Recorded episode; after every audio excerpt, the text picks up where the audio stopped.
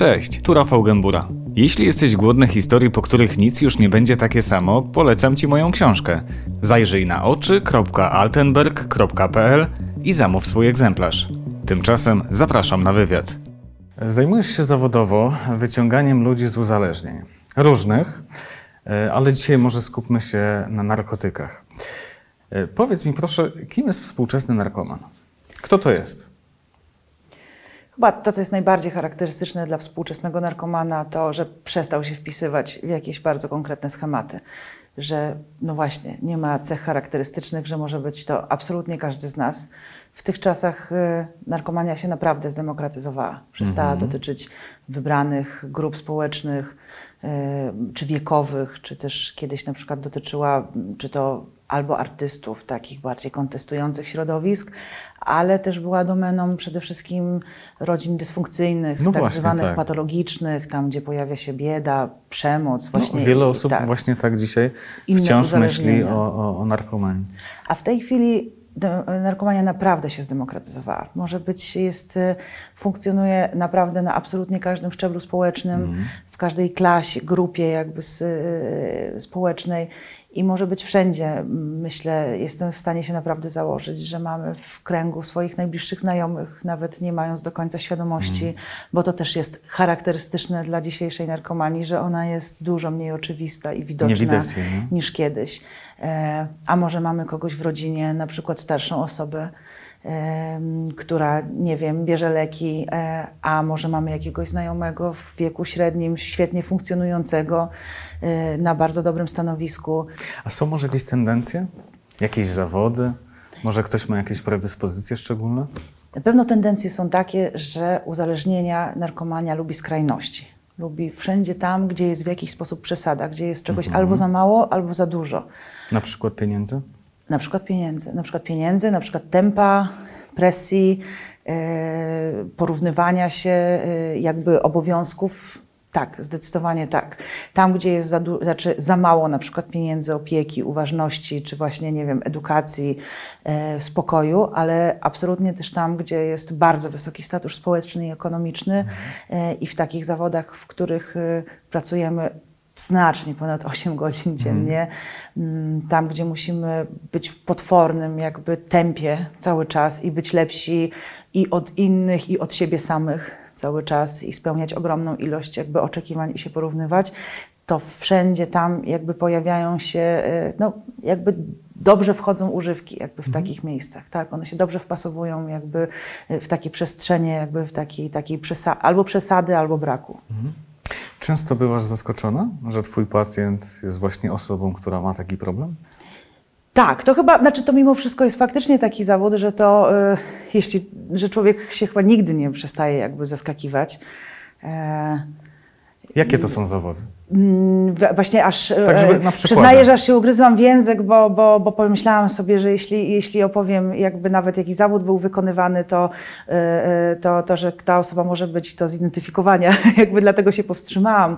Ale chyba najbardziej mnie też, albo dziwią mnie również nawet Ojej, te to same musiałby zawody. być chyba prezydent albo premier, skoro tak. Nie, nie, bez przesady, ale, ale jeśli jakbyśmy dodali do tego jeszcze miasto, wiesz, i jakieś bardziej okoliczności, to już to się robi coraz łatwiejsze do zidentyfikowania.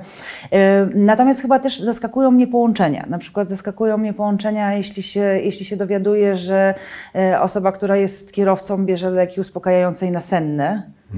To zaczynam być przerażona, bo e, jeśli już, to pomyślałabym sobie, że ktoś potrzebuje się pobudzić, żeby mieć więcej energii, żeby przetrwać dłuższą trasę.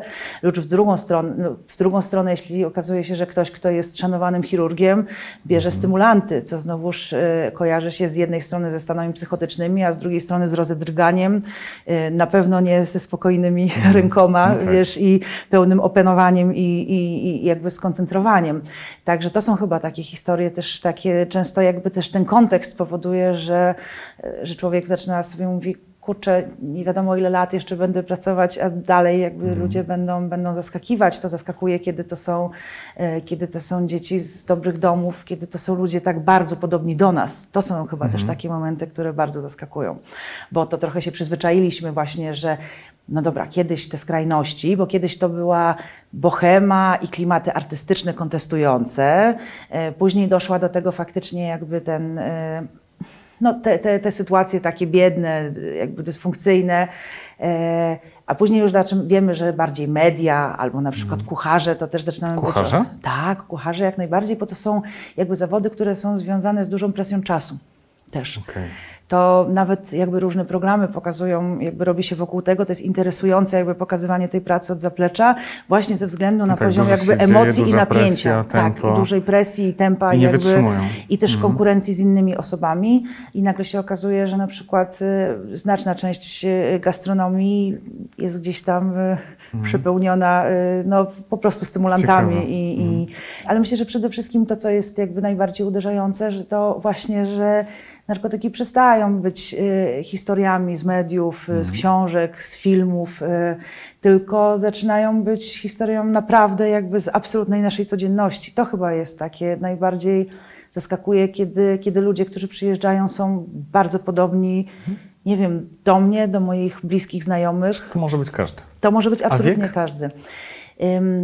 Jest prawdą, że w tej chwili jakby inicjacja większości jakby tak naprawdę eksperymentów y, ten, ten wiek spada i oczywiście substancje psychoaktywne też w tym y, jakby idą razem, y, jakby również parze, reprezentują tak ten trend. W jakim wieku są najmłodsi pacjenci? Ja akurat pracuję z osobami dorosłymi, natomiast osoby, które do mnie trafiają, niejednokrotnie zaczynały brać już narkotyki i nie mówię o tym, żeby napić się piwa od taty mamy, czy, y, czy jednorazowy jakiś wybryk, tylko zaczynały się uzależniać nawet już w 13 czy 14 roku życia. I to są takie rzeczy, które na mnie jednak y, mimo wszystko...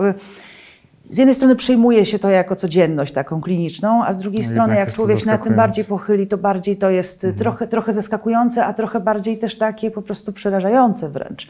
Jak sobie jednak porównamy, mam wrażenie, że chyba mimo wszystko y, y, ja w tym wieku y, się miałam troszeczkę, nie, i było to jednak chyba niewyobrażalne tak naprawdę. Em, ale mówię, myślę, że to, co absolutnie charakteryzuje jakby to... tą współczesną narkomanię, e, to jest naprawdę to, że może dotyczyć każdego. I owszem, coraz młodsze dzieci zaczynają eksperymentować, ale myślę, że to, co potrafi mocno zaskakiwać, e, to jest to, że dotyczy to na przykład, y, no właśnie, dojrzałych kobiet, kobiet sukcesu, kobiet bardzo wysoko funkcjonujących, na No patrz, kto, kto by eleganckich. pomyślał, nie? Albo na przykład dotyczy to w coraz większej e, jakby skali osób starszych, osób właśnie z, no najczęściej takich, które zostają na przykład samotne, dlatego że odchodzi tam już jeden, jeden ze współmałżonków, ale generalnie po prostu na przykład emerytów. I No to... patrz, a ta narkomania jednak jakoś tak kojarzy się z młodymi mężczyznami. No, no właśnie o tym mówię i to moim zdaniem to są też takie rzeczy, które zaczynają Mhm. jakby, które mm, może robią wrażenie, to nie jest dobre, dobre określenie, ale Zaskakują. które gdzieś tam zaskakują, tak.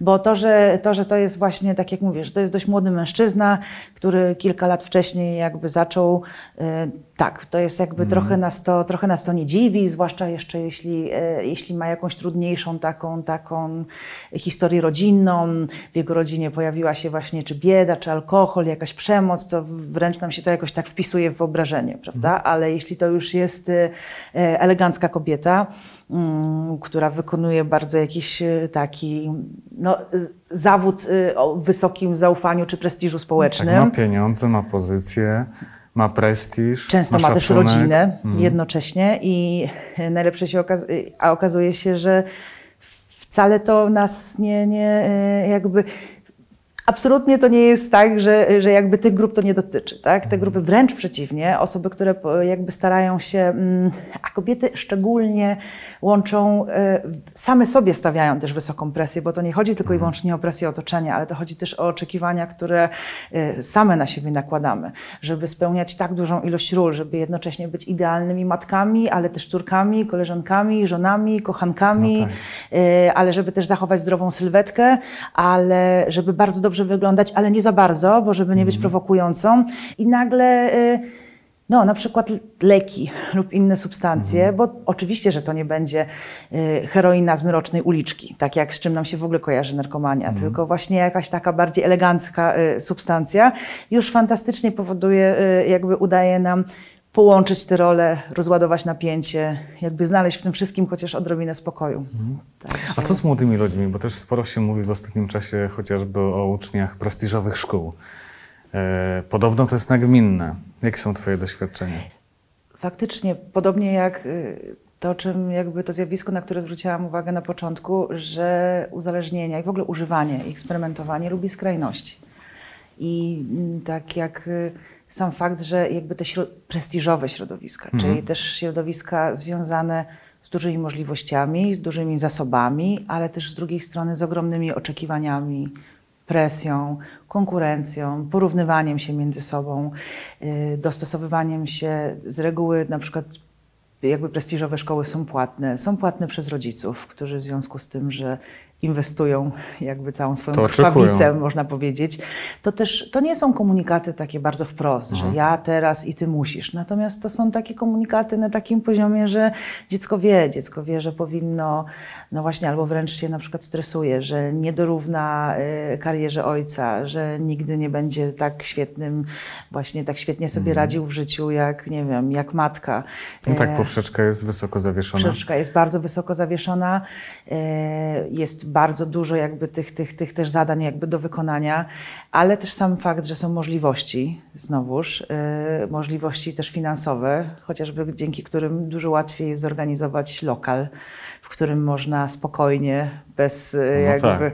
bez przeszkadzających e, e, rodzicom. Jednak na przykład w takich, takich e, dzieciach bardziej jakby z niższych klas trudniej o coś takiego jak takie zjawisko jak własne mieszkanie na etapie liceum. A już na przykład na wyższym, y, tam gdzie mamy troszkę wyższy status Tak, społeczny, no bo to też jest jakby oczywiście związane z No i tymi... kieszonkowe jest większe. to Kieszonkowe wszystko jest kosztuje. większe, a dużo jest, ta, dokładnie tak, Mhm. a substancje też kosztują. E, I ta pokusa też jest większa przez to, że taka młodzież wbrew pozorom naprawdę nie ma, znaczy można, wiele osób postrzegają jako skrajnie rozpuszczoną.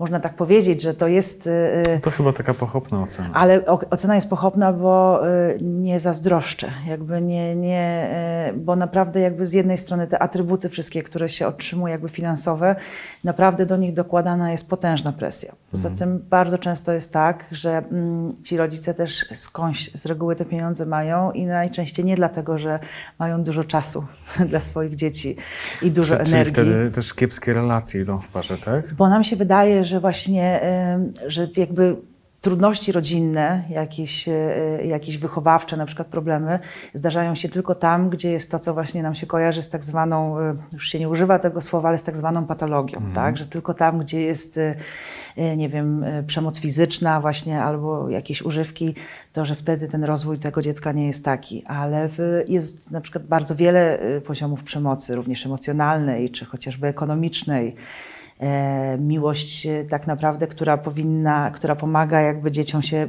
prawidłowo rozwijać, to jest miłość bezwarunkowa. Bezwarunkowa to znaczy, że okazuje ci pełną akceptację taki, jaki jesteś, z takimi możliwościami, jakie masz i z tym, co prezentujesz.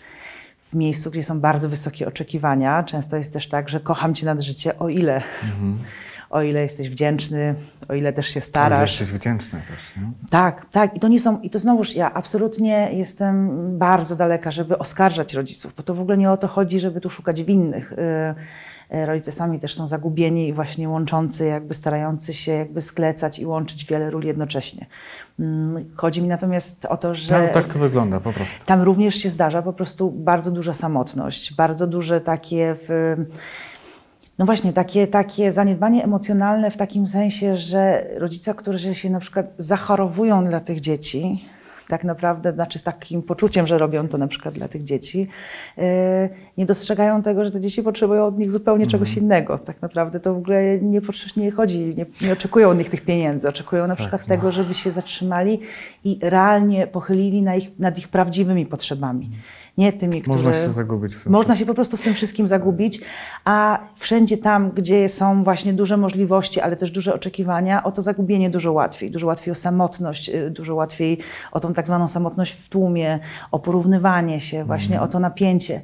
No i tutaj przychodzi fantastyczne jakby rozwiązanie, szybkie, proste, bezproblemowe, bo nie trzeba się wysilać, żeby się zrelaksować za pomocą substancji, żeby uciec.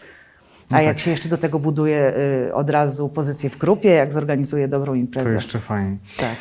Y, Z tego, co mówisz, y, wynika, że, że tych powodów, y, dla których ludzie sięgają po, po, po używki jest, jest wiele, są różne, zależy od sytuacji. Y, A powiedz mi, czy jest jakiś najczęstsze, taka najczęstsza motywacja, która powtarza się bardzo, bardzo często? A czy potrzeba rozróżnić e, sięganie po używki, jakby eksperymenty, pierwsze próby od później kontynuowania?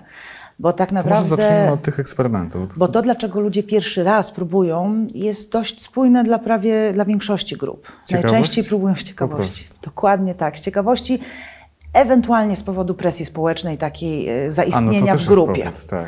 Takiego zaistnienia w grupie, bo na Żeby przykład nie w środowisku, gorszym. w którym się znajduje, jest taka moda i nie chcą wypaść jakby z tej grupy, chcą pokazać, że jestem równie fajny, jakby, że jestem różnie wyluzowany. A jeśli chodzi o ten moment, kiedy ktoś decyduje się sięgać, sięgać dalej po kolejne substancje albo po więcej, to, to co wtedy jest tą najsilniejszą motywacją, powodem? No, tu nawet znowuż myślę, że nawet bardziej odpowiednim określeniem byłoby powiedzieć mechanizm niż motywacja, bo to w pewnym momencie na tym polega w ogóle cały problem i dlatego mm, narkomania jest chorobą, a nie kwestią woli, że w pewnym momencie to przestaje być kwestia naszego wyboru, naszych decyzji. Natomiast y, to, że pojawia się, że te substancje zaczynają być nam niezbędne, ale w ogóle przede wszystkim, że zaczynają być dla nas naprawdę realnie atrakcyjne, y, wynika z jakby, to się zadarza wtedy, kiedy jakby życie na trzeźwo y, jest dla nas z jakiegoś powodu trudne. Jak, w jakiś sposób mamy deficyty emocjonalne czy społeczne, które powodują, że się źle odnajdujemy w tej rzeczywistości. Tak naprawdę człowiek, który młody człowiek, który potrafi budować konstruktywne, bliskie relacje jakby z, z drugą, z, jakby z, no po prostu z drugim człowiekiem, który czuje się bezpiecznie, który czuje się, że ma swoje miejsce na ziemi, że ma jakiś cel. E, Bo my tak naprawdę często patrzymy na młodzież jak na bezmyślnych hedonistów. To, to, to nieprawda. Dosyć to nie jest często. tak, że, że, że jedyną i wyłącznie motywacją, oczywiście, że młodość ma to do siebie, że się bawimy, ale też, że przekraczamy granice, ale to nie jest tak, że młodzi ludzie nie mają swoich celów, że nie chcą, że do czegoś nie dążą, że nie chcą czegoś rozwijać. Mm, I tak naprawdę, jeśli ludzie potrafią czerpać satysfakcję z tego życia, czują, mają naprawdę poczucie z jednej strony sensu, z drugiej bezpieczeństwa, właśnie z, z trzeciej po prostu też taką tą całą przyjemność, którą mamy po prostu z bycia też z drugą osobą, to te narkotyki, czy to alkohol, czy inne rzeczy na dłuższą metę po prostu przeszkadzają. Przeszkadzają się rozwijać, przeszkadzają realizować cele. Tak naprawdę na dłuższą metę uzależnienie jest potwornie nudne, bo to jest w kółko to samo. To jest, y, y, jestem w fazie jakiejś euforii po zażyciu, a później następuje zejście, więc cierpię. i W związku z czym y, odczułam przymus, żeby organizować kolejną dawkę substancji, organizować kolejny rytuał zażywania. I w kółko Macieja. I tak naprawdę to są trzy, cztery emocje na krzyż, które się jakby pojawiają. I tyle. I tyle. Tak, jakby z jedyną różnicą taką, że im dalej w nauk, tym mniej jest przyjemności, a więcej cierpienia. Tak naprawdę z tego wynikającego. Więc y, wiesz, że tak naprawdę, mm, bo wydaje nam się, że, że to zawsze jest tak, że y, każdy, kto sięgnie po narkotyki, musi się uzależnić, bo są złe i wciągają. Tak na dobrą Tak też nie jest. Właśnie chciałam powiedzieć, że tak naprawdę to y, uzależnia się mniej niż 10% osób, które eksperymentują z narkotykami. To nie jest tak, że, y, że każdy narkotyk zaraz, y, znaczy, że natychmiast się uzależnimy. Y, substancje lub inne też czynności, w ogóle jakby popadamy w uzależnienia, jeśli ta substancja trafi na podatny grunt naszej osobowości. Czyli te deficyty, o których wspomniałeś. Tak, trochę tak, że jeśli się No i też okaże, zależy że od ona substancji, tak? Są bardziej uzależniające, są mniej. Mm, Znaczy, w, każda może uzależnić, Mhm. jakby z tych, o których mówimy, jakby, które nazywamy narkotykami, choć oczywiście nie tylko, bo e, leki, alkohol, jest bardzo dużo Tak. legalnych substancji, które również potrafią siać niezłe spustoszenie. Każda może uzależnić, mówisz? Jakie są najbardziej niebezpieczne? Mm, Chyba w ogóle nie lubię takich rankingów Mhm. niebezpieczeństwa, bo to też pytanie e, zupełnie inaczej na przykład ustawiamy, jeśli mówimy o substancje, na przykład różnią się bardzo potencjałem uzależniającym. To chodzi w tym o to, że e, ile razy można, można ile razy zażyć można daną substancję, bez, zanim jakby popadniemy, zanim rozpocznie się cały mechanizm uzależnienia. Ale tak naprawdę to nie jest jedyne ryzyko jakby substancji, to samo uzależnienie. Nie wiem, tu przychodzi cała historia z substancjami, na przykład z, z psychodelikami i ze wszystkimi substancjami halucynogennymi. Marihuana też- też jest halucynogenem, o czym nie, nie wszyscy jakby wiedzą, które mm, większość z nich y, niemalże nie uzależnia fizycznie. W takim sensie, że nie ma tej całej zależności, w, nie odczuwamy bólu czy dyskomfortu fizycznego, jeśli ich nie przyjmujemy, lub w ogóle jakby sam potencjał uzależniający jest naprawdę minimalny. Śladowy. Śladowy. Ale uzależnia inaczej, chcesz powiedzieć. Tak, albo na przykład y, y, grozi schizofrenią, y, problemami z tożsamością, postrzeganiem i wieloma zaburzeniami psychicznymi, depresją, stanami amotywacyjnymi. No i teraz pytanie, czy to jest niebezpieczne, czy bezpieczne? Bo Mówisz w tej chwili wyłącznie o marihuanie, tak? Nie, Nie. Mówię, mówię o, ró- o różnego rodzaju psychodelikach na przykład, okej. które mm, używa się właśnie często takiego argumentu, że skoro nie uzależniają lub bardzo wolno uzależniają, to że nie są są, niebezpieczne. okej, mhm. Często jest też tak, że na przykład jeśli substancja bardzo wolno uzależnia i taki mamy problem z marihuaną, to mm, trudno zauważyć ten moment. Jakby trudno, fakt, że trudno jest jakby zauważyć moment przejścia, kiedy to się zaczyna robić problemem. Bo- Ale to posłuchaj, jesteśmy przy, przy marihuanie. Mhm. No, wiele osób powtarza, że ona nie uzależnia. E, jakie są Twoje doświadczenia? Nie, no abs- absolutnie marihuana uzależnia. Marihuana jest po prostu narkotykiem. Tak, uzależnia wolno. Można jakby, to na pewno nie jest tak jak w przypadku wielu substancji, że y, przyjmiemy, y, nie wiem, zapalimy raz, drugi, trzeci i po prostu już mamy koniecznie y, jakby ten przymus spalenia dalej. Y, nie uzależnia fizycznie. Natomiast y, co nie zmienia faktu, że owszem uzależnia, uzależnia po prostu psychicznie. Na podstawie jakby, y, czyli to są takie mechanizmy, mówię, no nie czujemy, nie wiem, nie czujemy bólu fizycznego, ale już duże rozdrażnienie takie emocjonalne i dużą potrzebę, bo to są przymusy, ja już nie chcę wchodzić w taką, w taką bardzo y, neurobiologiczną kwestię, ale to jest kwestia neuroprzekaźnictwa, które po prostu też jakby szlaków dopaminergicznych, które oczekują później od nas, jakby naprawdę silnie oczekują jakby przyjęcia ponownego substancji. Ty spo- spotykasz pacjentów, którzy mm, mają tego rodzaju historię, że właśnie marihuana im w jakiś sposób schrzeniła życie? Tak mi się w ogóle bardzo trudno pracuje z ludźmi uzależnionymi od marihuany. To jest, Dlaczego? Dlatego, że w, e, jakby jednym z jakby no właśnie szkód, które przynosi uzależnienie od marihuany jest e, po pierwsze to są stany psychotyczne, ale po drugie to jest taki, taki e, stan, który się nazywa syndromem amotywacyjnym i to jest potwornie... Amotywacyjnym, tak? Amotywacyjnym, tak. To jest potwornie ciężki stan. Do, można powiedzieć, że on przypomina depresję, ale tak naprawdę nie jest. Jakby depresja jest o tyle jakby prostsza, nawet można powiedzieć w leczeniu. Depresja oznacza cierpienie. Za cierpieniem idzie jakaś motywacja, żeby od tego cierpienia się uwolnić. A tu jest fajnie i A się tu- nie chce, A tak? tu nie ma punktu wyjścia, bo jest absolutnie wszystko jedno. Pacjenci po prostu przychodzą i właściwie to coś by zmienili, Aha. a może nie, a może jutro, a może I wczoraj. tak to wygląda. I tak to wygląda. Poza tym dochodzi jeszcze bardzo duża trudność, bo tam są później problemy z, i z pamięcią krótkotrwałą, i z koncentracją, więc y, nawet jeśli znajdzie się w sobie jakąś właśnie, wykrzesi się z siebie motywację, żeby coś zmienić, to jest bardzo trudno, jeśli nagle nam się to wszystko, zaraz zapomnimy, skoncentrujemy się na czymś innym, trochę się nam to wymyka spod kontroli jakby. I to naprawdę jest taka praca, z której się bardzo, mm, taki stan, z którego się bardzo trudno wybić. Naprawdę, ja wiem, że to brzmi dziwnie, ale paradoksalnie czasem y, łatwiej mi jest pracować z pacjentami, którzy są w silnym nawrocie, nie wiem, po stymulantach właśnie, czy, czy, czy nawet po alkoholu, amoku po prostu, e, ale z tym ja przynajmniej mam jakiś punkt zahaczenia, wyjścia, jakby w, możemy się o coś jakby Wiem, faktycznie chodzi, nad tak. czymś pracować, a, a w takim stanie, kiedy naprawdę się robi trochę wszystko jedno, kiedy te wartości się jakby nam rozpływają, chcieliśmy do czegoś dążyć, ale teraz to właściwie nie do końca wiemy, co chcieliśmy, ale jak już to po co, jest naprawdę bardzo, bardzo trudnym stanem. A mówię, on jest o tyle, uważam, że właśnie niebezpieczne jest to, że to przychodzi po bardzo długim czasie palenia. Trzeba wypalić naprawdę sporo. I ta granica jest y, y, niemalże eteryczna, niewidoczna. To nie jest tak, że nie wiem, tak jak już nie chcę nawet, bo oczywiście, że skrajnym przykładem jest heroina, która w ogóle jest spektakularna o tyle, że potrafi silnie uzależnić fizycznie nawet po jednym czy dwóch zażyciach skrajnie, czy trzech, to już wtedy ten organizm, to już jest cierpienie, już w ogóle fizjologicznie tam no, jakby następują takie bardzo nieprzyjemne zmiany.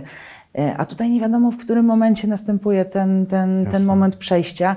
No i właśnie, wracając jakby do pytania, czy to jest bezpieczne, czy niebezpieczne. Czasem mam wrażenie, że paradoksalnie bezpieczniejsze jest to, co przynajmniej jest y, jasne, w sensie, że w, to to samo problem mamy z lekami które są na przykład niebezpieczne, dlatego że tworzą iluzję tego, że skoro są legalne i skoro są na przykład przepisywane przez lekarza, to, że nic nam nie grozi. Czas jakby, że jakby iluzoryczność bezpieczeństwa jest, y, moim zdaniem, jest bardzo taka, taka zdradliwa. Leki to duży problem? Potworny, potężny. Szczerze mówiąc, potężny i chyba coraz większy. Jak to działa? Jakie to są sytuacje? Tak naprawdę to są dwa podstawowe, jakby To są dwie leki grupy. bez recepty?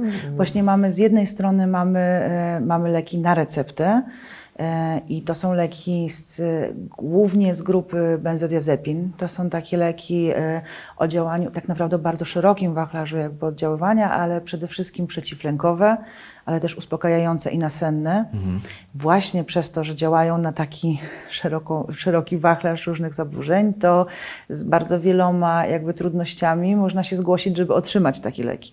A, czyli, czyli pacjent po prostu idzie do lekarza, Czuje napięcie. wymyśla objawy, żeby dostać ten lek, tak? Czuję napięcie, gorzej zasypiam, Aha. właśnie, e, nie wiem, towarzyszy mi lęk. I daj mi, e, panie doktorze, Boję to. się czegoś i jest to, jest to naj... lekarze niestety często nie, nie jakby, to też i znowuż ja nie chcę naprawdę nikogo oskarżać, bo to ja sama pracuję jakby w służbie zdrowia i wiem jaki jesteśmy przeładowani Nie wszystkim. Nie jest łatwo, e, ale lekarze też przez to, że widzą na przykład pacjenta tylko przez chwilę, no już później nie zadają sobie e, jakby przecież trudu, żeby śledzić to, czy on faktycznie te leki brał tylko przez określony czas. Często ten czas e, to są nie więcej niż dwa tygodnie przy lekach takich, takich o krótkim i silnym działaniu. Tymczasem pacjent przez ten czas może się przyzwyczaić, polubić, a najtrudniej jest dostać pierwszą receptę. Dalej to już idzie. Skoro są wskazania, to dużo prościej dostać kolejną. Inna sprawa, że to jest, to jest, to mnie naprawdę zmroziło. E, Jak się zorientowałam, że zakupienie tych leków e, w internecie bez recepty naprawdę nie wymaga wiedzy tajemnej.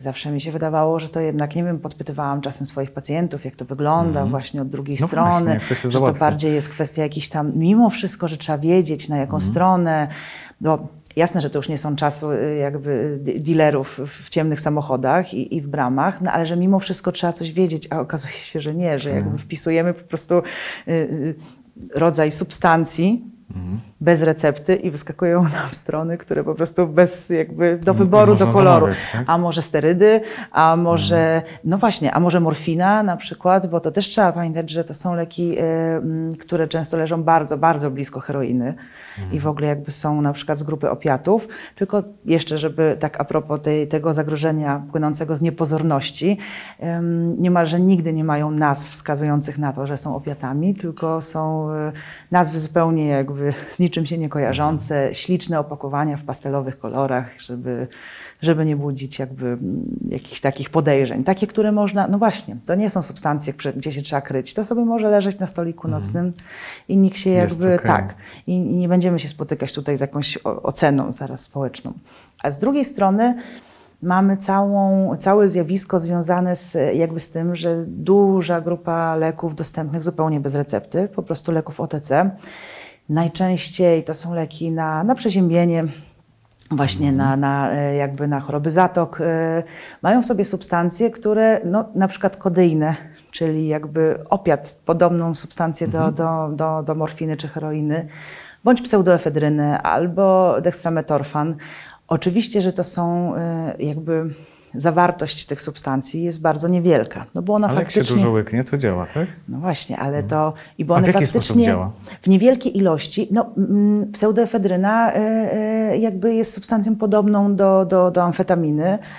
Tak naprawdę odpowiednio spreparowana, bo nie chcą tu też jakby sprzedawać jakichś, jakichś tutaj szczegółów. przepisów bez szczegółów, ale odpowiednio spreparowana y, y, jakby tw- tworzy no, coś na, na, na y, podobnego do metamfetaminy znowu, czyli po prostu w, Jasne. stymulant, ale, to, ale to ale chyba taki... nie jest tak, wyprowadź mnie z błędu, jeśli, jeśli się mylę, e, że możesz wejść do apteki i kupić 20 opakowań e, leku na Oficjalnie już, przeziębienie. oficjalnie już od paru ładnych lat 2017, jeśli dobrze pamiętam, wyszła ustawa, która faktycznie jakby No mówi, że jed- uwadze, tak. jednorazowo y, można kupić tych leków łącznie tam nie Mhm. większej zawartości substancji danej, czy takiej, czy takiej, ale no, pamiętajmy, że apteki zaraz obok y, małych sklepów monopolowych są najczęstszymi punktami usługowymi, No tak. jakie w ogóle w tym kraju jakby istnieją i nie ma miejscowości. Spacer po osiedlu. Nie, naprawdę nie trzeba, y, i to naprawdę dotyczy całej Polski, bo tu można, Mhm. czasami można mówić o specyfice dużych miast czy gdzieś, ale apteka jest po prostu wszędzie.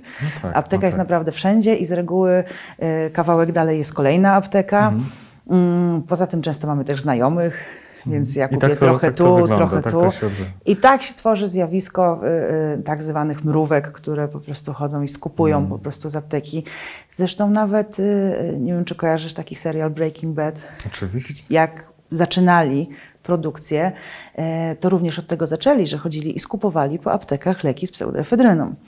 Tylko później się okazało, Tak, że do masowej Walter produkcji... White był chemikiem, miał wiedzę, jak to robić. A dzieci, jeśli robią to taki sposób abdomorosły, to tam może dojść do tragedii. Naprawdę do tragedii, dlatego że tam się używa silnych chemikaliów, jakby w tym procesie jakby tworzenia narkotyków, więc z reguły to są naprawdę bardzo toksyczne i pozanieczyszczone substancje, e, które poza działaniem euforyzującym czy stymulującym potrafią najzwyczajniej w świecie popalić centralny układ nerwowy. Naprawdę, dosłownie. I to są takie objawy bardzo podobne później do choroby Parkinsona.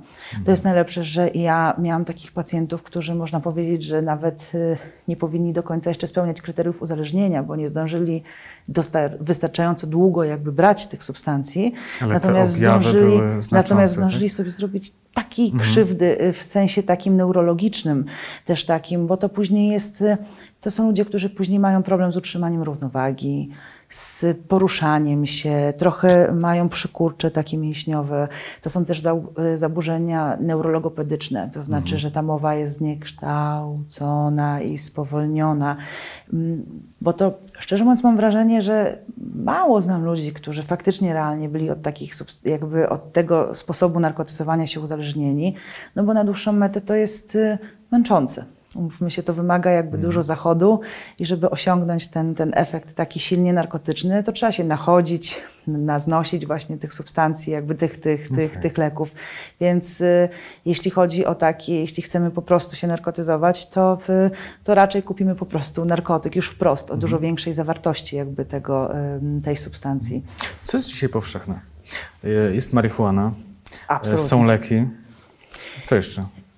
Oczywiście jest alkohol, no ale to jakby, który też uważam, że jest oczywiście narkotykiem, tyle że legalnym. Y, I tak naprawdę w dzisiejszych czasach, zaraz po marihuanie, alkoholu, i le, znaczy i obok leków, y, usadawiają się wszelkiego maści substancje stymulujące. Czyli? Czyli w amfetamina, y, no kokaina rzadziej znacznie, ponieważ jest droższa, y, ale też żyjemy w, y, trochę tak, jak mamy czasy szybsze i bardziej sztuczne, to też substancje stały się y, bardziej syntetyczne, więc wszystkie klasyczne narkotyki mają w tej chwili swoje syntetyczne odpowiedniki. Co oznacza, że ich działanie jest dość zbliżone, tyle że jest wzmocnione, jakby działają szybciej, mocniej, to też szybciej schodzą, ale to uderzenia są dużo, dużo intensywniejsze. To jest to, co y, media jakby okrzyknęły y, mianem dopalacze. Uważam, że jest to, No właśnie. to jest troszkę y, niefortunne jakby określenie, bo dopalacze... Chodzi ci o nazwę, tak? Bo wydaje mi się, że jednak mimo wszystko dopalacze kojarzyły nam się wcześniej z, y, narko, jakby z napojami y, z, z wysoko kofe- kofeinowymi No, na stacjach nazwa benzynowych. sugeruje, że jest to coś takiego lajtowego. no. Czyli no, może nie super zdrowe, wiadomo, Aha, że nie ale- jest to, ale już bez przesady nie róbmy z tego, każdy z nas e, wypił napój o znanej nazwie Mhm. i jakoś nic jakby z tego powodu, poza ewentualnie lekkim bólem brzucha, się nie wydarzyło. I to jest też znowuż dla mnie, uważam, taka, ta, takie zjawisko, które kiedy znowu coś się kojarzy z czymś niewinnym, Mhm. to jest przecież często sprzedawane specjalnie w takiej formie mm, kolorowo zapakowane e, jakieś emblematy superbohaterów kojarzące się właśnie albo z zabawą, albo właśnie sugerujące siłę, jakby moc, coś, coś, coś Mhm. Właśnie, fajnego. Kiedyś mieliśmy, kilka lat temu mieliśmy plagę tych, no już użyję tej nazwy, dopalaczy. E, Jak to obecnie wygląda? No bo media Tak, już właściwie nie mówią tak samo. Tak samo tyle, że y, y, one po prostu zeszły, y, faktycznie udało nam się jakby uporać, może nie do końca, ale w, dużej mierze jakby z tą dystrybucją stacjonarną, no bo faktycznie tam były takie podejścia, dalej się sprzedaje niektóre te produkty jako, nie jako do konsumpcji, tylko jako produkty kolekcjonerskie na przykład i to jest sposób jakby, ale w tej chwili przecież jakby cały ten rynek zagarnął internet. Teraz po prostu Okej. najzwyczajniej w świecie zamawiamy je w internecie. Wiele osób mówi, że te dopalacze to największe gówno, dlatego że właściwie nie wiadomo, co tam jest. Nie wiadomo też, jak y, później pomóc takiej osobie, y, kiedy na przykład przyjeżdża karetka. Y, Jakie są Twoje doświadczenia? Ale dokładnie tak. Ja, moi pacjenci jakby na tym etapie, jak właśnie rozpoczynają terapię, wiem, prowadzimy wywiad wstępny i opowiadają o tym, jakby co brali, co ich tu w ogóle przywiodło, to sami często najpierw zaczynają wymieniać liczne, bardzo skomplikowane nazwy, jakby, bo to często są też jakby takie bardziej już, y, to też jest dość modnie, żeby pokazać, że znamy, że to jest PC2 tutaj jakby i wszystkie te określenia, a później sami przyznają, że w sumie to brali co akurat było, albo co, co, co, co, co zostało przywiezione przez dealera. Dealerzy często sami tak naprawdę nie wiedzą też, co, jakby co dystrybuują, bo dystrybuują to, co akurat dostali jakby z góry. Sami mówią, że na przykład myśleli, że kupują mefedron, ale że w sumie tak naprawdę co ile to ma wspólnego z mefedronem, to do końca nie wiadomo. I to jest potworne ryzyko, jakby bo znowuż, tak naprawdę większość osób uzależnionych, mimo jakby cierpienia i pogubienia, nie była nastawiona na pełną destrukcję.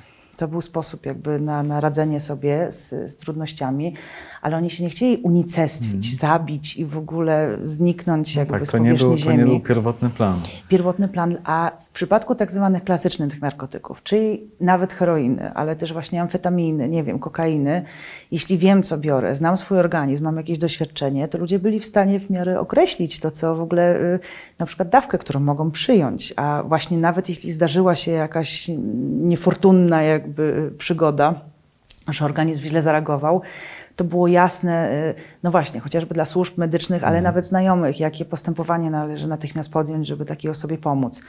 A w tej chwili bierzemy bliżej nieokreśloną y, y, mieszankę chemiczną i może dotruć, naprawdę następują, jakby dochodzi do poważnych zatruć, takich po prostu zatruć. To jest silnie toksyczne i to jest toksyczne w takim sensie, pamiętajmy, nie chodzi tylko o to, że żołądek nas rozboli i nam zrobią płukanie żołądka, tylko to jest też neurotoksyczne. To znaczy, że sobie mm, przepalamy centralny układ nerwowy. Później możemy mieć problemy naprawdę, czy to psychotyczne różne, czy po prostu poznawcze. Problem, czyli na przykład ze skleceniem dwóch zdań poprawnie. No tak. E, Wspomniałaś chwilę temu o kokainie. Jest takie jakieś przekonanie, że to jest ekskluzywny narkotyk. E, Z czego to wynika? Wyłącznie z ceny, czy też z innych rzeczy? Znaczy sceny, ale też tak naprawdę z samej formy mm, oddziaływania, bo to też jest tak, że mm, jakby ludzie, mm, konkretne grupy społeczne najczęściej wybierają konkretne narkotyki, dlatego też mówiłam, że czasem mnie to dziwi, jeśli, jeśli to się wymyka jakby ym, tym zależnością. No, ze względu na to, że oczekują konkretnego stanu. Nie wiem, jeśli kibice będą szli na tak zwane ustawki, to wiadomo, że użyją amfetaminy właśnie czy alkoholu, bo mają czuć siłę, agresję i tutaj brak lęku. Mm, Artyści szukają natchnienia, inspiracji, y, wiadomo, nie wiem, pomieszania zmysłów, czy, czy jakichś takich bardziej, y, no, poszukiwania innych światów. Natomiast kokaina y, to jest taki, mówi się o nim, że to jest taka substancja y, hipertrzeźwości, że to jest narkotyk, ale który daje nie tyle, że high narkotykowy po, po kokainie polega w pewien sposób na poczuciu właśnie bycia super trzeźwym, super włączonym w świat, ale jednocześnie absolutnie boskim. I to jest taki, bo amfetamina jest również stymulantem, ale takim, mówię, dużo bardziej można powiedzieć gdzieś tam agresywnym, takim napędzającym. Kokaina działa subtelnie. Kokaina działa, znaczy wbrew pozorom potężnie mocno i naprawdę bardzo silnie jakby na cały organizm, jeśli chodzi o jakby od takiej już czysto fizjologicznej jakby strony. Natomiast od strony jakby samego efektu, e, tak, my jesteśmy, e, po prostu czujemy się idealni i czujemy się absolutnie lu- ludźmi sukcesu, bogami. Wiesz, no, to, co Dosłownie. mówisz, jest szalenie kuszące. E, Któż by z nas nie chciał, tak. prawda? Być zachwyconym z siebie i ze wszystkiego, co osiągnął i czuć się po prostu absolutnie Mhm. najatrakcyjniejsi. Ja na przykład naprawdę to zauważam, że później jak pracuję znowu z ludźmi, którzy byli uzależnieni głównie od kokainy, to oni naprawdę żyją, mają bardzo rozbudowany właśnie taki, ten system takich mechanizmów psychologicznych wokół różnych iluzji, takich, ich życie jest idealne zawsze. Na przykład, y, nie- nieważne, że, że żona złożyła na przykład y, pozew o rozwód, y, opowiadają o swoich, na przykład o swojej rodzinie jako paśmie właśnie Czyli idealnych relacji, świetnie, ciągu tak? sukcesów. E, przychodzą kolejne wyzwania, na przykład do ośrodka przychodzą kolejne wyzwania od windykatorów, na przykład po jakieś e, związane z długami, a osoba jest naprawdę święcie przekonana i mówię to już Że nawet... to było towarzyskie spotkanie. Nie, ale że po prostu, że, że absolutnie biznesowo funkcjonuje, Jest po prostu okej. Mhm. odnosi. To jest naprawdę pasmo niekończących się sukcesów i po prostu jakby wspaniałego, wspaniałego funkcjonowania. Y, Bo tak, bo właśnie do tak, jakby w takim, w takim takie przekonanie jakby daje mieć kokaina, więc to też o to chodzi, ale oczywiście, że o cenę chodzi również. Chodzi też również o to, że kokaina, mimo tego, że wiadomo, że to już to, co jakby jest w ogóle na rynku, to zdaje się, że nie ma za dużo wspólnego z kokainą. A w ogóle czysta kokaina ponoć jest absolutno już prawdopodobnie jest czysta na poziomie jeszcze Ameryki Południowej. Podejrzewam, że po drodze jest taka ilość jakby No tak. później wiadomo, jakby etapów i każdy musi zarobić, więc swoje tam rozcieńczyć. Ale przede wszystkim, znaczy, więc ona jest dostępna w tej takiej wersji również uboższej, ale mimo wszystko jest dużo droższa od, y, od, od innych substancji. No, zawsze będzie kosztować y, na przykład kilkaset złotych, bo to też już nie chcą, a dla porównania dopalacze potrafią kosztować kilka złotych. Mhm, no Taka tabletka, oczywiście, że ten efekt jest na jest 15-20 gigantyczna. minut, ale tak, no na przykład jeśli mówimy o młodym człowieku, no to wiadomo, że jak już to wygospodaruje. Ale ja myślę, ja myślę, że wraz z tą ceną wysoką często też idzie takie przekonanie, że skoro płacę tak dużo, no to jednak jest to w miarę bezpieczne.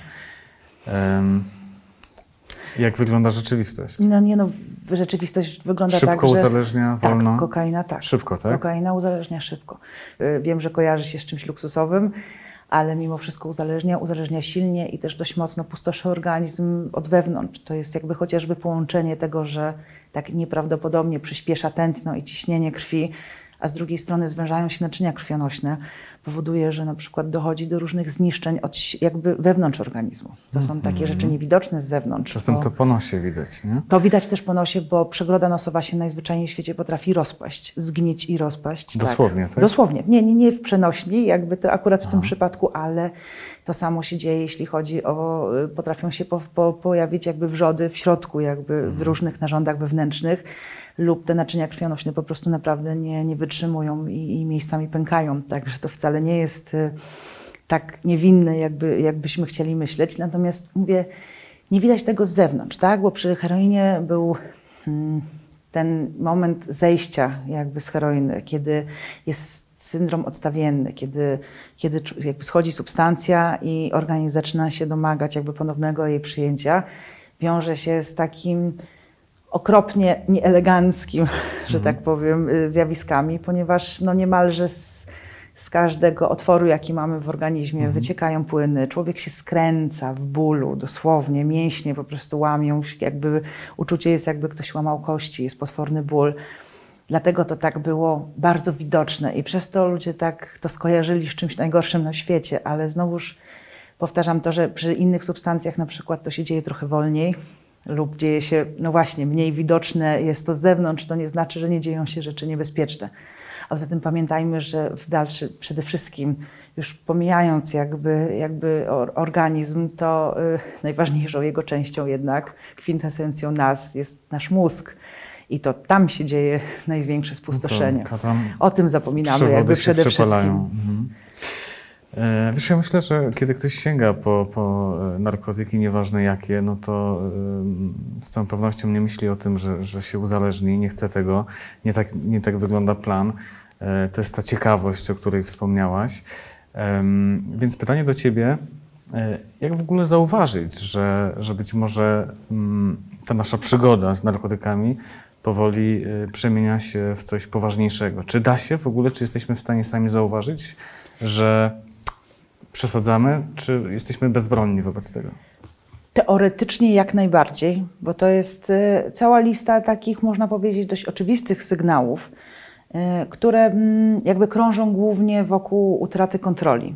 Mhm. To Utraty kontroli. dwa, trzy chociaż. To, że na przykład przestawiają nam się priorytety kompletnie, to, że rzeczy, które wcześniej były dla nas ważne, yy, przestają być, znaczy są spychane na dalszy plan po to, żeby zdobyć daną substancję. Kiedy nagle zaczynamy, nie wiem, krzywdzić najbliższych, a mimo wszystko i mimo tego, że ich naprawdę kochamy i są dla nas ważni, to i tak zaczynamy robić rzeczy, które, no właśnie, zaczynają siać jakieś spustoszenie, czy to społeczne, czy to rodzinne, czy to emocjonalne. Kiedy odrzucamy jakieś właśnie swoje stare plany, ambicje, zawsze chcieliśmy, nie mhm. wiem, skończyć jakieś studia, rozwijać się w jakiejś pracy, gdzieś pojechać, a nagle się okazuje, że jakby inne rzeczy teraz są ważniejsze. Nie wiem, chcieliśmy odłożyć na studia naszych dzieci, ale te pieniądze jednak jakby znajdują mm. na mhm. przykład lepsze zastosowanie. To są, natomiast problem jakby z uzależnieniem polega na tym, bo to są takie objawy, y, które są, y, można powiedzieć, bardzo łatwo rozpoznawalne dla osoby z zewnątrz. Z zewnątrz. Chyba, tak? Natomiast problem jakby, który, to, że to jest choroba, i że to naprawdę nie jest choroba woli i decyzji, bo to nie jest na poziomie podejmowania decyzji. Niech sobie, tak jak zauważyłeś, niech sobie nie wybrał, żeby cierpieć, mhm. niech sobie nie wybrał, nie stwierdził, a będę narkomanem, bo nic innego nie mam lepszego do roboty w życiu. Tak samo nikt nie chce. Yy, no właśnie, ranić swoich bliskich, y, y, bo to prędzej czy później każde uzależnienie i na to na początku zawsze jest fajnie, to jest jasne, ale nie ma na to mocnych, prędzej czy później zawsze zaczynają się straty i to te straty zaczynają się robić coraz mm. bardziej dotkliwe, no to, potężne. No to kluczowe tutaj wydaje mi się to pytanie, jak, jak Mechanizmy właśnie, jak nie przegiąć. Oczywiście pewnie najlepiej nie zaczynać, ale jak nie przegiąć? Mówisz, że teoretycznie jesteśmy w stanie y, zauważyć pewne znaczy, rzeczy, znaczy, ale w praktyce... Teoretycznie, natomiast w praktyce jest tak, że jakby właśnie choroba jakby polega na tym, że uruchamia się i w ogóle rozwija się i rozbudowuje naprawdę bardzo skomplikowany, złożony system różnych mechanizmów psychologicznych, mhm. które powodują, że my y, jakby naprawdę nasz mózg robi już wszystko, żeby nie dopuszczać do świadomości tego, co jest dla nas niewygodne. Co więcej, pewnego rodzaju racjonalizacje czy wyparcie to są takie naturalne mechanizmy, których używamy każdy z nas na co dzień. Nikt z nas mhm. nie lubi, jeśli robi rzeczy jakieś, które no, powodują no, rozbieżność. Tak. Nie wiem, jesteśmy na diecie, ale ta czekolada mhm. jakoś tak. Zasłużyłem. Jakoś dokładnie. To Był mamy na to wytłumaczenie, mhm. że zasłużyłem, bo ciężki dzień, że mm, dzięki temu magnes, nie wiem, lepiej się myśli. Znajdziemy sobie coś, co spowoduje, że nasz dysonans poznawczy zostanie jakby mhm. złagodzony. Tylko, że jednak normalny człowiek używa tego w małym zakresie. Znaczy normalny, mówię w takim sensie nie, mm, nie chory jakby na uzależnienie i szybko jest w stanie zrozumieć, następnego dnia na przykład wróci do diety. Natomiast w przypadku osób uzależnionych mechanizmy przejmują kontrolę naprawdę nad procesami decyzyjnymi. E, tam zanika możliwość w ogóle myślenia przyczynowo-skutkowego, e, w ogóle różnego rodzaju myślenia abstrakcyjnego mhm. i tu nie ma, że mądry czy głupi. To naprawdę są czasami paradoksalnie... Każdego to dotyczy. I znaczy chodzi o to, że nie ma tak, że na przykład, że tylko głupi da się w to wkręcić, mhm. a, y, a na przykład jeśli w, ktoś jest mądry, to że on to zrozumie. Czasami bywa do, dokładnie na odwrót, że osoba, która jest bardzo inteligentna, wykorzystuje ten intelekt przeciwko mhm. sobie. Wytworzy sobie już takie manipulacje i tak sobie już wytłumaczy znakomicie, że to będzie ostatni raz, mhm. albo że się wyjątkowo należy, albo że tylko troszeczkę, albo że każdy to robi, no bo tam są różnego rodzaju jakby, no że jest jakby no jasne, świetnie się jasne. sama zmanipuluje. Czyli, czy, czy, czyli w praktyce ciężko mówisz zauważyć, tak? Że, znaczy, że ciężko zauważyć z poziomu własnego fotela w ten no tak. sposób. Tak. Bo, to, y, bo to bliscy z reguły, znaczy może nie, nie, może nie z reguły w sensie, bo to faktycznie bliscy również jakby wypierają informacje, które są niewygodne też często jest tak, dlatego rodzice dość późno się czasem orientują lub też partnerzy, partnerki się późno orientują. No ale w momencie, kiedy to się już jakby rozkręci, to z reguły świat dookoła, dookoła nas to widzi, zwraca nam uwagę, mm. a my się tylko denerwujemy na ten świat. Natomiast chyba tak naprawdę myślę, że nie chciałabym to też jakby, bo to też nie chcę budować jakiegoś przyzwolenia i dać złotej rady, że jeśli się w ten sposób zrobi, to człowiek się na pewno nie uzależni, ale na pewno jakby jest tak, że najbardziej niebezpieczna w tym wszystkim jest y, regularność, nawet jeśli to są bardzo małe dawki. Paradoksalnie dużo bezpieczniej jest raz na jakiś czas się upić bardzo, niż pić codziennie trzy piwka na przykład wieczorem, okay. nie? Czy te, czy te dwa kieliszki wina, ale codziennie. Naprawdę, mm, bo to mm, tak się wydaje, nie? że jeśli pijaństwo, to to już jest na przykład jak ktoś, nie wiem, albo właśnie y, no, doprowadzi się No do tak, stanu, ja w którym słabo kontaktuje. Ja tylko piwko dziennie. No. A najbardziej niebezpieczne są takie Mhm. pułapki, bo to są, mówię, to na tym polega jakby problem z uzależnieniem. Ono rzadko przychodzi tak, że przyjdzie i walnie. To są, to są zawsze metody takich malutkich kroczków rozwijania się. Więc naprawdę jakby w, y, mimo wszystko po prostu starać się, żeby zawsze były przerwy jakby między, żeby nie sięgać. Ja bardzo jestem, nie, nie, nie podoba mi się takie, takie zjawisko tego, tego mikrodawkowania i, takiego, Okej. e, i takiego wytłumaczenia, że właśnie jak troszeczkę to, to wszystko pod kontrolą. Wcale nie. E, To porozmawiamy jeszcze chwilę o samym leczeniu. E, Taka rzecz, e, nad którą się zastanawiam, to to, co jest ważne w leczeniu takiego uzależnienia. Dlaczego jest tak, że mm, no jedna osoba odnosi sukces, a trzy pozostałe nie? Albo na przykład jedna osoba idzie na jedną terapię, kolejną, kolejną i dopiero któraś z rzędu okazuje się tą właściwą i kończy się sukcesem. Jaki jest przepis na sukces? Uśmiecham się, bo y, po wielu latach badań napisałam jakby doktorat na ten temat, który ma ponad 400 stron i dalej Okej. nie przyniósł jednoznacznej odpowiedzi. Jest kilkadziesiąt stron rozważań, wniosków, bez tak naprawdę jednej, jednej recepty. Ale to prawda, że musi zagrać... Czyli nie jest to łatwe. Nie jest to, nie, znaczy nie jest łatwe, ani samoleczenie nie jest łatwe, bo tak jest możliwe, ale mimo wszystko zawsze jednak radzę zapobiegać niż, niż leczyć, bo ten proces jest zawsze żmudny i zawsze jest taki, jest niezwykle trudnym takim, takim przedzieraniem się przez swoją strefę komfortu i też no, bardzo jakby nie, nie no takim naprawdę niełatwym doświadczeniem dla tej osoby. Natomiast Jakie musi rzeczy zagrać... są kluczowe? Musi co, zagrać Co musi, tak. bardzo wiele czynników, bo na przykład, y, nie wiem, jakby taka pierwsza rzecz, która mi przychodzi do głowy, jeśli chodzi, bo można powiedzieć, że chodzi o motywację, nie? E, Ale sytuacja z motywacją też wcale nie jest taka prosta. Po pierwsze, motywacja jest y, bardzo takim zmiennym i płynnym procesem. I zdarza się, że ktoś przychodzi przy, przyciągnięty za przysłowiowe ucho do, do terapii, bo Mhm. To żona chyba najczęściej. No. I, a później na przykład uwewnętrznia jakby te wartości wraz z procesem trzeźwienia, dopiero zaczyna docierać jakby co się działo w jego życiu i zaczyna to robić dla siebie. I mam Czyli- też Czyli sytuację w drugą zewnętrzna stronę. przemienia się wewnętrzną, tak? Dlatego w I wtedy przy- może zadziałać. Dlatego przyznaję, że nawet nie używam właśnie tych określeń, bo uważam, że zawsze każda jest trochę, no właśnie, każda jest trochę taka i trochę taka. Bo można powiedzieć, że nawet ta zewnętrzna, nawet jeśli to są skrajne przypadki jakby zagrożenia na przykład wyrokiem, to można powiedzieć, że no, jest wybór na przykład albo ucieczki, albo y, odsiadki. To też jest jakby wybór. Akurat leczenie y, y, w Polsce jest zawsze dobrowolne. To jest, drzwi są zawsze otwarte.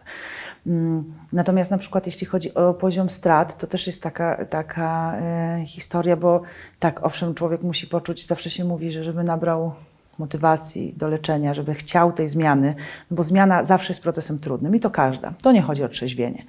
Każda zmiana, czy się czegoś uczymy, czy właśnie, nie wiem, się odchudzamy, czy w, zawsze jest jakimś procesem wychodzenia z, jakby ze strefy komfortu.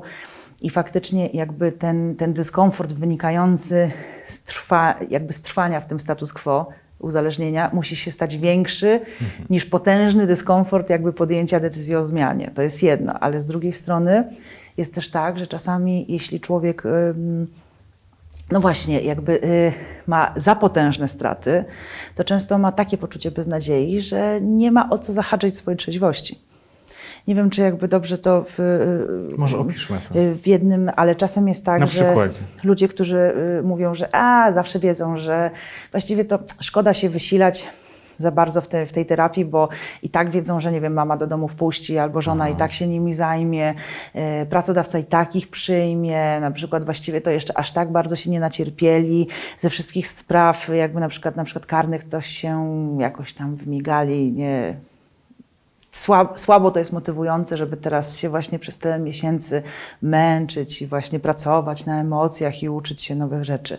Ale z drugiej strony ludzie, którzy na przykład doświadczyli na przykład bardzo poważnych jakichś cierpienia y, emocjonalnego, nie wiem, matki, które y, straciły dzieci, czas albo po prostu jakby narobili takich rzeczy, że trudno jest im później na przykład spojrzeć sobie w, po prostu w oczy, bo jest wstyd, wyrzuty sumienia.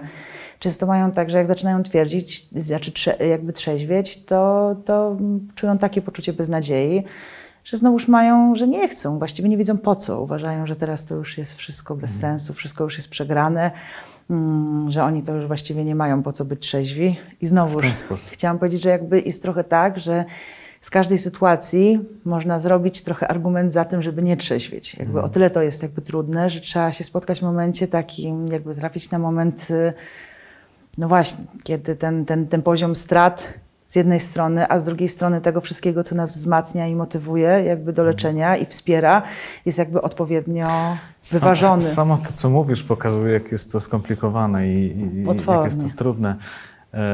Motywacja na pewno jest kluczowa, E, ale co jeszcze? Jak, jakie rzeczy jeszcze? Takie też bardzo charakterologiczne, na przykład otwartość, gotowość na to, żeby przyjąć, e, wiesz co, to nazywamy pokorą, ale w takim sensie pokorą, żeby zrozumieć, że e, żeby nie dyskutować na przykład z pewnymi zasadami, że jeśli się umawiam sam ze sobą, że będę przestrzegał jakiejś zasady, to że jestem w stanie e, po prostu to, to robić, a nie za każdym razem znajdować sobie jakiś, być mądrzejszy od, y, od całego świata.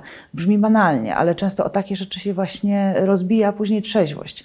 Mimo tego, że człowiek bardzo chce, mimo że ma ogromne zasoby, na przykład sam też w sobie, na przykład intelektualne, też różne takie, że, że jakby się angażuje w tą zmianę, ale z drugiej strony ma w swoim, nie potrafi się jakby w swoim też charakterze jakby zmienić z takim, z takim podejściem, że, że są takie rzeczy, które trzeba przyjąć twardo. Bo i to chodzi o umowy, które się zawiera samemu ze sobą, bo to nie, nie wtedy, kiedy ktoś patrzy, tylko właśnie wtedy, kiedy nikt nie patrzy, żeby być w stanie bezwzględnie jakby zwracać uwagę na pewne szczegóły. Ludzie się często rozbijają takie rzeczy, że na wszystko mają zawsze jakieś wytłumaczenie na przykład. Em, że nie mają otwartości znowu, żeby się też, e, mogą też być poblokowani przez różne traumy i przez różne takie procesy, które powodują, że nie potrafią się znowuż emocjonalnie otworzyć, a jeśli nie zaczniemy pracować nad emocjami, a przecież to jest choroba emocji i regulacja emocji, no to też znowu za dużo nie, nie jesteśmy w stanie. Z... I dlatego mówię, naprawdę tych czynników jest, jest, jest cały ogrom. Nie mówię, że to jest jakby nie do objęcia, natomiast trudno jest to jakby faktycznie zawrzeć jakby w jednym, dwóch zdaniach. Nie, no jasno, oczywiście. Powiedz mi tak, w ilu przypadkach na 10 się udaje? Ojej, to też jest takie pytanie, co to znaczy, że się udaje, bo to jest pytanie też No, że e, osoba po, po powiedzmy zakończeniu terapii utrzymuje trzeźwość na najbliższe 5 lat. Myślę, że w, po zakończeniu terapii, zakładając, że była w tej terapii uczciwa, Mhm. bo to też jest tak, że terapię można też przesiedzieć. Bo to też, No tak. e, albo można tej terapii nie skończyć, właśnie jakoś tam wyjechać, ale zakładając, że ktoś faktycznie przeszedł cały proces terapeutyczny i był w tym uczciwy, to szacujemy, bo nie ma bardzo twardych danych liczbowych, dlatego że z, trudno jest e, No wszystkich ludzi jakby Tak śledzić sza- całej szacunkowo. życiorysy. Szacujemy, że z 60% mniej więcej jakby faktycznie jakby Mhm. No to ma to się daje dobrze. jakąś nadzieję. Ale to, y, no, z drugiej strony można powiedzieć, że jak duży procent jakby ma jakieś nawroty. Inna sprawa jest taka, że nawrót też nie zawsze jest końcem świata. Też bywa tak, że ta droga, jak sam zauważyłeś, bywa kręta. Mhm. Musi przejść przez ileś jakichś potknięć, zanim człowiek dochodzi do momentu, że już naprawdę No, chyba, dosyć. chyba rzadko, naprawdę rzadko bywa prosta. Zazwyczaj to są wzloty i upadki, prawda? Też to różnie bywa. Różnie. Też to różnie bywa. Czasem, przyjeżdża, czasem ludzie przyjeżdżają i mają tak serdecznie dosyć, że nawet na przykład jest dla mnie zaskakujące, że właśnie, że nie, że oni już po prostu naprawdę mają dosyć i że okej. chcą i robią to od początku do końca i wiemy o tym, bo na przykład utrzymują z nami później jeszcze przez bardzo długi czas kontakt, że mają się naprawdę dobrze. Ale no właśnie, żeby potrafić w życiu podjąć tak jakby bardzo, bardzo y, jasną decyzję i jej nie zmieniać na każdym kroku, to jest, to prawda, że jest to dość rzadkie zjawisko. To się raczej rzadko zdarza. Wszystko musi przypasować terapeuta, musi przypasować najróżniejsze jakby czynniki, muszą się zgrać w czasie. Temperamentalne też takie w... Ale nie, to nie jest niemożliwe. To jest potwornie trudne, ale jest, jest wykonalne, tak. A powiedz mi taką rzecz, bo często mówi się w kontekście uzależnień o tym, że człowiek musi sięgnąć swojego dna. E, pewnie spotkałaś się z takimi tak, opiniami. oczywiście. No. Na ile to się pokrywa e, z Twoimi doświadczeniami? No to jest trochę to, co powiedziałam o tym, że uważam, że za duża ilość strat, ja to mówię tak, że dno e, bo ludzie mówią, że muszą sięgnąć dna, żeby się od niego odbić. No ja tak. natomiast uważam, że dno jest zazwyczaj grząskie. Wcale nie ma tam Niełatwo betonu, od którego tak. się można odbić, tylko raczej, raczej zasysa, raczej wciąga w kostki i- jeszcze bardziej trudniej się z niego wygrzebać.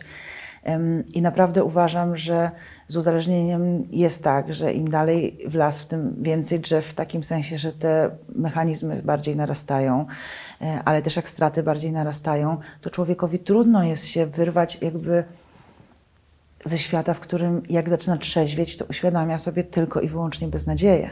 Mimo wszystko łatwiej jest jakby trzeźwieć, jeśli mamy taką wizję, że trzeźwiejemy po to, żeby coś budować, będziemy mieli jakiś cel, nie wiem, wrócimy do jakichś ludzi, z którymi będziemy blisko, E, a nawet jak sposób. nie wrócimy, to, to, to, to sam fakt, że możemy coś później zbudować swojego jest dla nas jakby wyobrażalny, osiągalny. Natomiast jeśli człowiek właśnie wychodzi z tego dna, co najczęściej oznacza potworne straty i finansowe, i zdrowotne, bo nagle trzeźwieje i okazuje się, że wszystko go boli, nie ma połowy zębów, nie wiem, ma długi, problemy karne, żona już dawno odeszła. Mm, trudno jest jakby taką trzeźwość się, a ta trzeźwość na początku jest naprawdę trudna, bo to jest taki bardzo trudny moment, kiedy już nie ma starego życia, w sensie nie ma już tych wszystkich narkotyków, które dawały ulgę, ta, tą ułudę, a jeszcze nie ma nowego życia, które sobie, mm, no właśnie, nabudujemy jakby tych wszystkich sytuacji i takich haczyków społecznych, które powodują, że już nam się dobrze żyje. I jak, jak, się, jak jakby wychodzimy w taką poczucie beznadziei, to uważam, że to potrafi być dla wielu osób naprawdę po prostu abstrakcyjne. No i, i, i, co oni mają jakby, y, więc absolutnie tak nie uważam, że to jest tak, że, Okej. No to, to, jest, to jest ważne, co mówisz. że to mówię, człowiek musi mieć poczucie, że, to, że kontynuowanie tego brania będzie się wiązało z tylko coraz większym cierpieniem. I musi to cierpienie niestety, że tak powiem, organoleptycznie doświadczyć. Nie, nie, nie, ma- nie, średnio nie się uczymy na nie błędach innych. Czekać, czekać na to dno. Szalenie ważna z pewnością jest też rola bliskich osób e, w samym leczeniu. Powiedz na koniec, e, jak należy postępować, jak należy się zachowywać, jak wspierać, e, co faktycznie może pomóc, a co tylko przeszkadza. No w ogóle przede wszystkim może pomóc to, że, że, jakby, że ludzie, którzy się uzależniają, z reguły mają poczucie potwornej samotności, potwornego niezrozumienia. O to w dużej mierze przecież o to chodzi jakby w uzależnieniu, w uciekaniu jakby przed tym i człowiek też wtedy jeszcze bardziej pielęgnuje w sobie tą, to poczucie właśnie wyjątkowości, takiego odstawania od całej reszty. I zresztą to są jedne z czynników leczących. W ten sposób działa społeczność terapeutyczna, którą pracuję, to że ludzie się wreszcie znajdują w miejscu, w którym ktoś w nich nagle nie traktuje ich, y, nie ocenia, nie oczekuje od nich, że na pewno zawiodą, że nie ma co im w ogóle nawet ufać, bo i tak nie dadzą rady i że zawsze kłamią, kradną, czy nie wiadomo co jeszcze, tylko nagle dostają kredyt zaufania. Oczywiście, że według jasno określonych reguł, że z konsekwencjami, jeśli robię A, to jest B i jakby mam tego świadomość i tak to działa, ale mimo wszystko z taką otwartością i wsparciem i to samo działa na poziomie rodziny. Jeśli y, ludzie po prostu potrzebują być dla kogoś ważnym i potrzebują chociaż odrobinę być zrozumianym i wysłuchanym też od swojej strony i to potrafi naprawdę y, nieprawdopodobnie dużo jakby dać, nawet taki drobiazg, bo my też wchodzimy w rolę, znaczy mówię my w sensie, jeśli jesteśmy na przykład y, rodzicem czy partnerem osoby uzależnionej, właśnie w taką, każdy ma swoją rolę i na przykład my jesteśmy cierpiący, a tamta strona jest y, ta, która zawsze zawodzi.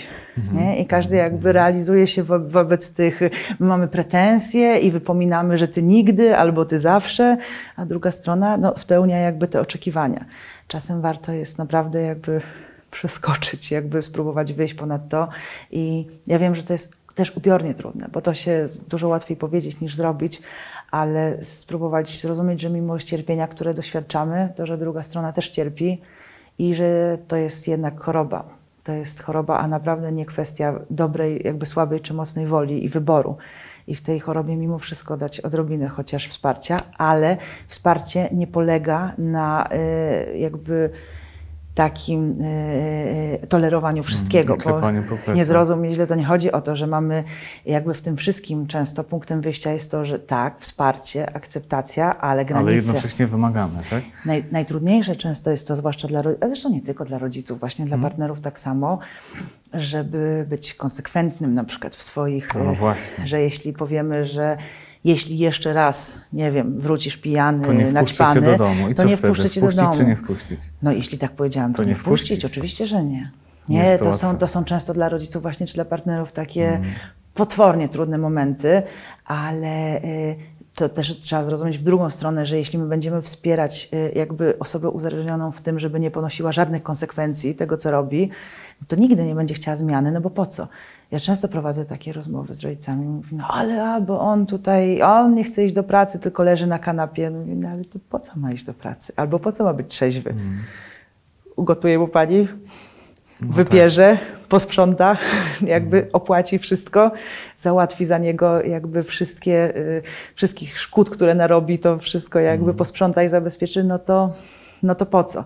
Więc tak, to jest bardzo też trudne jakby takie lawirowanie między, między rozumieniem i wspieraniem drugiej osoby, ale z drugiej strony konsekwentnym takim umowy są takie, granice są takie. Polecam nie zostawać w tym wszystkim samemu, bo to jest nieprawdopodobnie trudne. Tylko absolutnie każda poradnia leczenia uzależnień prowadzi również terapię dla osób współuzależnionych, czyli dla rodzin i bliskich. I to jest właśnie miejsce, gdzie można otrzymać wsparcie dla siebie i dowiedzieć się, co właśnie robić w takiej Jak sytuacji, jak tak. ktoś z naszego najbliższego otoczenia mm, jakby zaczyna tracić kontrolę nad swoim życiem. Dziękuję Ci bardzo To ja dziękuję. za to spotkanie. Masa cennych informacji. Powinni tego uczyć w szkołach. No, może będą. mam nadzieję, tak. Mam nadzieję, że będziemy o tym i ja też dziękuję, że o tym rozmawiamy, bo to fajne. Cała przyjemność po mojej stronie. Bardzo Dzięki fajnie. piękne. Dzięki wielkie.